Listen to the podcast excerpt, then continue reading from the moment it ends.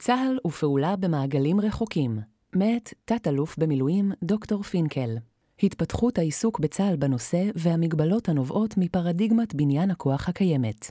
מתוך בין הכתבים, גיליון 35, מעגל שלישי. מבוא מטרת המאמר כפולה לתאר את התפתחות האתגר של צה"ל בנושא לחימה במעגלים רחוקים, מיד אגדיר נושא זה, ואת יכולת הפעולה בהם. לנתח ולאפיין מה חסם את צה"ל עד כה בפיתוח מענה משמעותי לאתגרים אלו.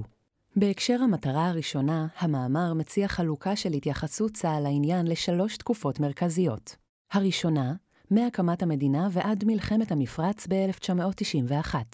בתקופה ארוכה זו, בעיית מעגלים רחוקים לא הייתה קיימת בהקשרי מלחמה, ומה שפותח והופעל היו יכולות לפעולה בעומק החזית לכל היותר.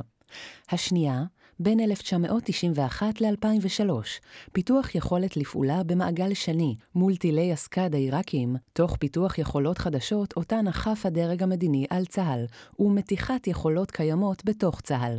תקופה זו מסתיימת כאשר ארצות הברית פולשת בשנית לעיראק ומסירה את האיום. השלישית, מאמצע שנות האלפיים ועד היום, עיסוק במעגל שלישי, איראן, תוך הישענות על תחליפי פעולה צבאית רחבת היקף, לחץ אמריקאי, פעולות המוסד ומב"ם צה"לי. בהתאם לצורך המשתנה, צה"ל פועל להרחבת יכולות ומתיחת יכולות קיימות, כולן באמצעות קופסת תקציב חיצונית. בהקשר המטרה השנייה אטען כי החסם לפיתוח יכולת יהודית לפעולה במעגל שלישי הוא תפיסת בניין כוח רב-תכליתי ממוקד מעגל ראשון, האיום הסביר החמור. אילוצי בניין הכוח החלו מתחילת שנות ה-90 לצורכי התמודדות מהסכין ועד הגרעין, יצרו דפוס של מיקוד בניין הכוח באתגרי לחימה בחזית, מעגל ראשון, תוך מתיחתם למטה באינתיפאדה הראשונה והשנייה ולמעלה בהקשר עיראק ואיראן. צה"ל מזהה את עצמו עם היכולות ודפוסי הפעולה ללחימה במעגל ראשון, כמו תקיפת בנקי מטרות רחבי היקף מן האוויר ותמרון יבשתי. ממתין לקבלת תקצוב חיצוני מדרג מדיני בהקשר יכולות מעגל שלישי, ועקרונית, מתקשה להסתגל לעובדה כי הוא צריך לפעול באופן משמעותי, בדפוס של מלחמה, גם במעגלים רחוקים. אסיים בדיון בשאלה האם המציאות המתפתחת מחייבת את צה"ל לשנות גישה ותיקה זו. ראשית, הגדרות. הגדרת האיומים לפי מעגלים התפתחה בשנות ה-90. במסמך אסטרטגיית צה"ל משנת 2002 הוגדרו ארבעה מעגלי עימות. מעגל פנימי, הגנת העורף, פלסטינים, טרור, גרילה והתקוממות עממית. מעגל ראשון, חזית. מעגל שני ועומק, עיראק. מעגל שלישי, איראן ולוב. אעשה שימוש בהמשגה זו, המארגנת את האיומים לפי טווחים, ומשקפת את התפיסה הנכונה לזמנה, והגיונה בעיקרו עדיין בתוקף, כי בפעולה קינטית, הטווח הוא גורם מרכזי בהשפעה על סוג המענה. חלק א', התפתחות האתגר של צה"ל בנושא לחימה במעגלים רחוקים. תקופה ראשונה, עד מלחמת המפרץ ב-1991, אין בעיה של מעגלים רחוקים. המורשת של צה"ל היא של צבא טריטוריאלי, המגן על גבולות המדינה מפני התקפת אויב, ושואף בכל עת להעביר את המלחמה לשטח האויב. זאת בשונה מצבא משלוח, הנלחם מעבר לים, הגדרה לצבאות כמו הבריטי או האמריקאי. כל מלחמות ישראל עד 1991 היו מלחמות על הגבולות ומהגבולות החוצה. אתגרים שהגיעו מהעומק, כמו כוחות משלוח עיראקים, נהנו בלחימה בתוך גבולות המדינה במלחמת העצמאות, או בלחימה ברמת הגולן הסורית במלחמת יום הכיפורים. צה"ל פיתח יכולות הצנחה, הסקה ונחיתה מהים, אך כולן בהקשר איגוף ברמה האופרטיבית, ובהקשר ישיר לפעולה המתקיימת בחזית. דוגמאות ליכולות כאלה ולהפעלתן הצניחה במעבר המיתלה במלחמת סיני, התכנון להצניח צנחנים בשדה תעופה אל-עריש במלחמת ששת הימים, התכנון של מבצע אור ירוק במלחמת יום הכיפורים, תכנון הנחיתה בג'וניה במלחמת לבנון הראשונה, הנחיתה באוואלי באותה מלחמה. דפוס אחר של פעולה בעומק האופרטיבי הוא בדפוס של אמנעת כוחות משלוח עיראקיים במלחמה עתידית, באמצעים אוויריים ויבשתיים. מגבלות הפעלת כוחות להמנעת כוח המשלוח העיראקי במזרח סוריה במלחמת יום הכיפורים המחישו את הצורך בכך. צה"ל ביצע בתקופה ארוכה מאוד זו מבצעים בטווחים רחוקים מאוד ממדינת ישראל, אך כולם בגדר פשיטות אסטרטגיות, ולא פעולה במעגל רחוק במסגרת מלחמה. דוגמאות, מבצע אנטבה 1976, מבצע אופרה לתקיפת הכור בעיראק 1981, מבצע רגל עץ 1985, תקיפת מפקדת אש"ף בתוניס שכללה בפעם הראשונה תדלוק אווירי, מבצע הצגת תכלית 1988, חיסול אבו ג'יהאד בתוניס, הגעה בשיט. כל המבצעים הללו מתחו את יכולות צה"ל לקצה. במבצע אנטבה, לדוגמה, הופעלו כל יחידות העילית היבשתיות של צה"ל, ומטוסי ההרקולס תדלקו לפני החזרה לארץ בקניה. בהיבט בניין הכוח, היעדר תרחיש מעגלים רחוקים אפשר לצה"ל בניין כוח נוח, גנרי יחסית, מבוסס המטוס הרב-תכליתי קרב הפצצה, עם מגבלות הטווח התמונות במטוס כזה, ומבוסס הטנק כנשק הגנתי התקפי. לכשנדרש צה"ל לפעול במעגל רחוק, עשה זאת על בסיס הקיים, תוך תפירת פתרונות נקודתיים. תקופה שנייה, ממלחמת המפרץ 1991 ועד פלישת ארצות הברית לעיראק ב-2003, אתגר המעגל השני.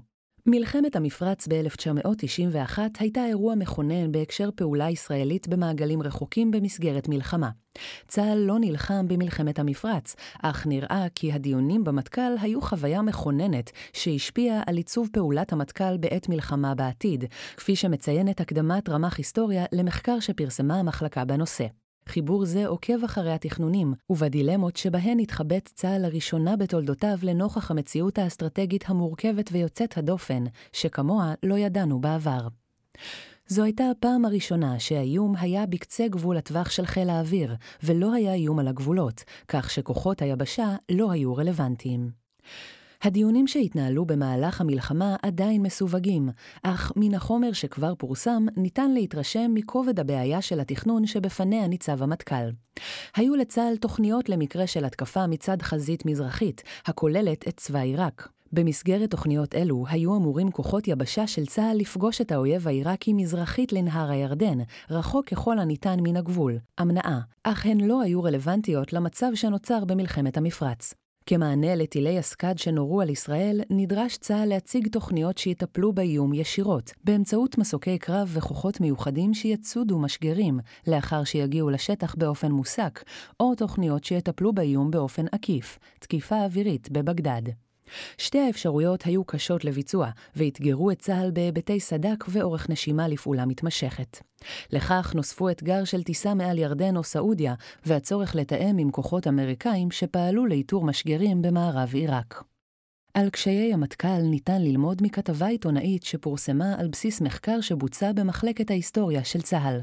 הכתבה הציגה אתגר של התארגנות הפיקוד והשליטה במטכ"ל על הפעלת כוח יבשתי בעומק, ואת הקושי לפתח תוכניות פעולה רלוונטיות מהסוג שצוין מעלה. במחקר עצמו נכתב כך צה"ל הכין עצמו למלחמה, כמתואר לעיל, במשך כחמישה חודשים, בין כיבוש כווית על ידי עיראק לפרוץ מלחמת המפרץ.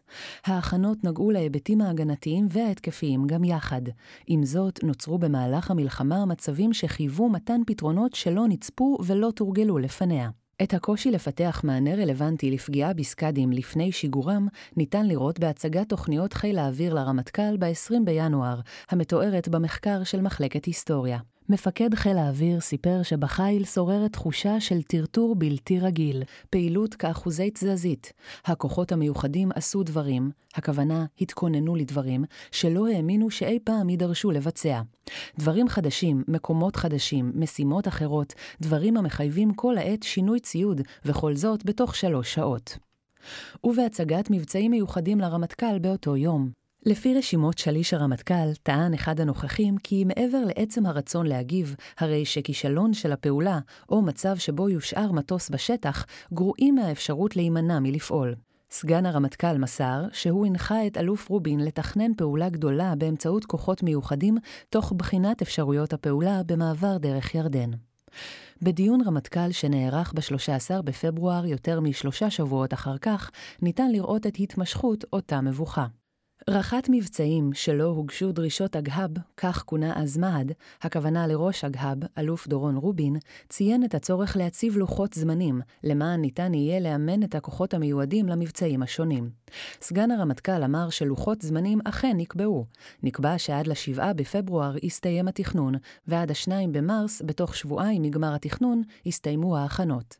הרמטכ"ל הזהיר שאסור שייווצר מצב בו תתבצע עבודה מאומצת וכוחות יטורטרו בלי להיות מוכנים, בסופו של דבר, לכלום. נראה שהתכוון לומר שמצב זה עלול להיווצר אם תוכניות יתוכננו וכוחות יתאמנו שלא לפי סדר קדימות, או יעבדו על מספר תוכניות בו זמנית, וכך עלול להיווצר מצב בו לא יהיו מוכנים לשום מבצע, או שיעבדו על תוכניות שסיכוייהן להתבצע נמוכים יחסית.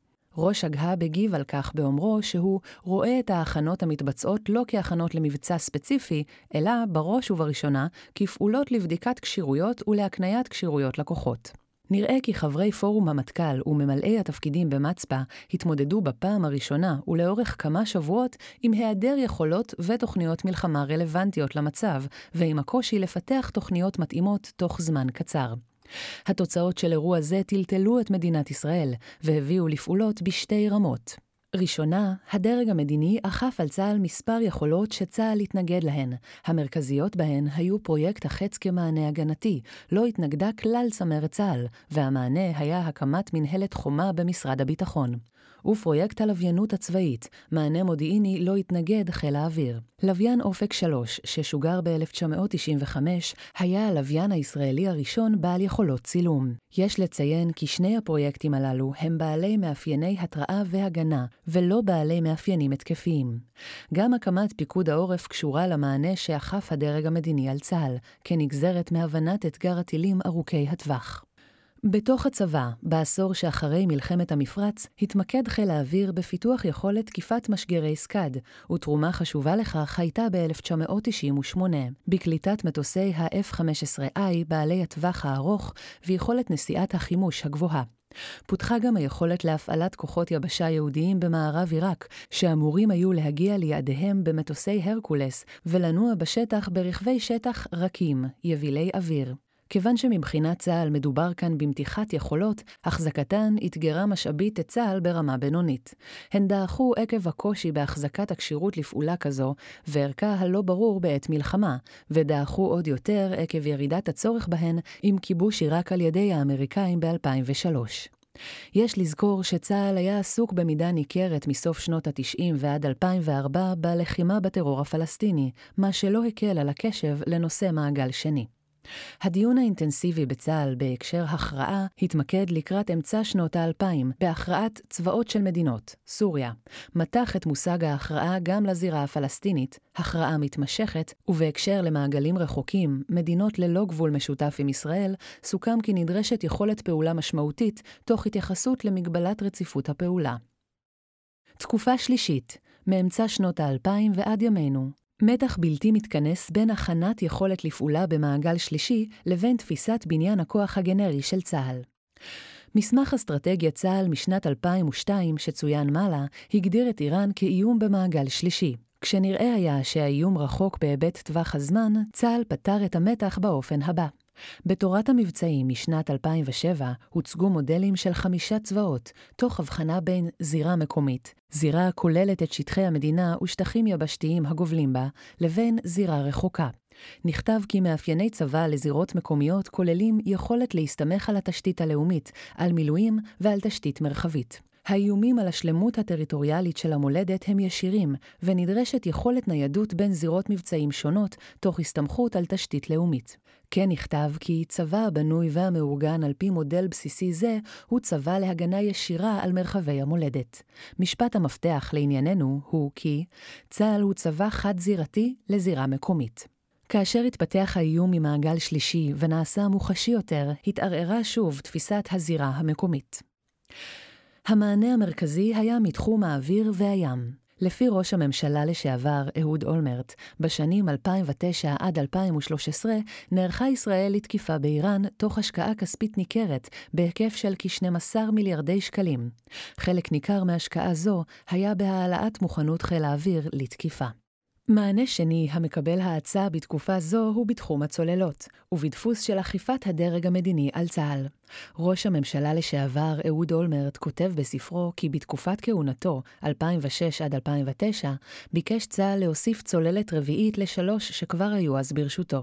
בנוסף לבקשת צה"ל, אולמרט ועוד קודם לכן אריאל שרון החליטו להעלות את מספר הצוללות לחמש, ובהמשך החליטו בנימין נתניהו ואהוד ברק להעלות את מספרן לשש, והכל מול התנגדות צה"ל.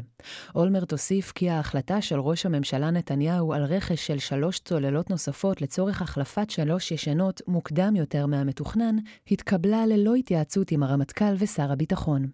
הסוגיה המשמעותית אינה שאלת הצורך בצוללות נוספות, או תקינות תהליך הרכש, אלא העובדה שמספר ראשי ממשלה, שרון, אולמרט ונתניהו, הנחו בזה אחר זה ובאופן ישיר רכש זה. כאשר נראה היה שהסכם הגרעין עם איראן מרחיק את האיום, ניתן היה לראות שוב את צה"ל חוזר למעגל הראשון.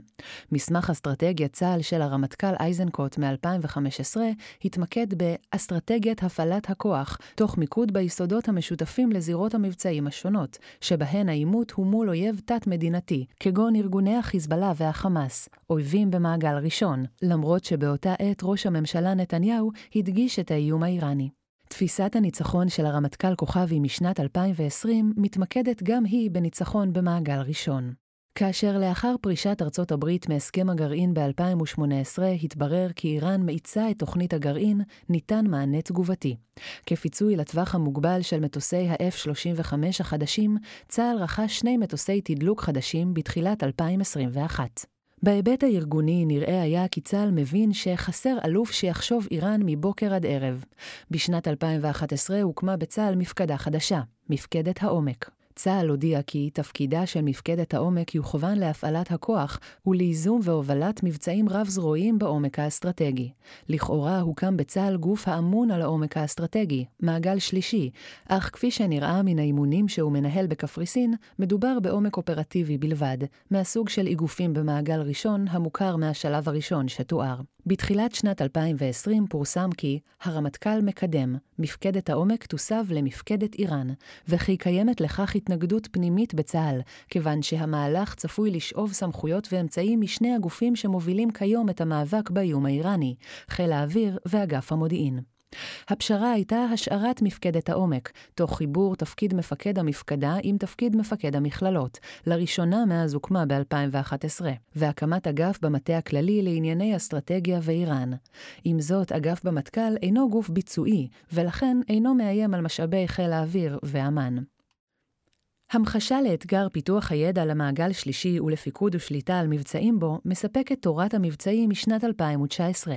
נכתב בה כי זירת המלחמה כוללת בתוכה זירות מבצעים, צפון, מרכז, דרום, עורף, ים ואוויר, המשתרעת מעל זירת המלחמה, ועומק זירת המלחמה, שהוא כינוי למרחב השיורי בזירת המלחמה שלא הוגדר בזירת המבצעים, המשתרע מלפנים לגבולות הקדמיים של זירות המבצעים עד קצה זירת המלחמה. במרחב זה עשוי הצבא להפעיל כוח ואף לנהל לחימה, אולם אין נכון לעכשיו רעיון מסדר שמגדיר את המרחב הזה כחלק מזירת המבצעים. מבצעים. מרחב זה הוא באחריות המפקדה הכללית, אלא אם מפקד הצבא מחליט להקצות חלק ממנו לזירת מבצעים קיימת או חדשה.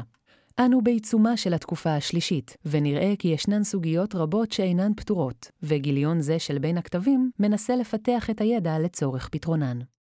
מה ניתן ללמוד מהתיאור ההיסטורי ומה החסם המרכזי בראייה לעתיד?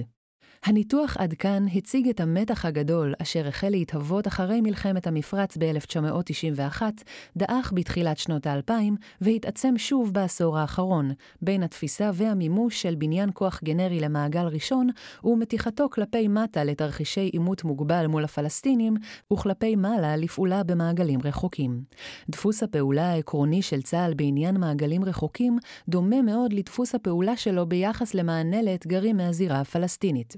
אם הדרג המדיני מעוניין בכך, שיתקצב את צה"ל בקופסה חיצונית. זה המכנה המשותף בין צוללות, טילי החץ והלוויינות, מרכיבי מענה למעגלים רחוקים, ובין גדר ההפרדה באיו"ש, הגדר בגבול ישראל-מצרים וכיפת ברזל, מרכיבי מענה הגנתי לאיום הפלסטיני, ובמקרה האחרון, גם הלבנוני.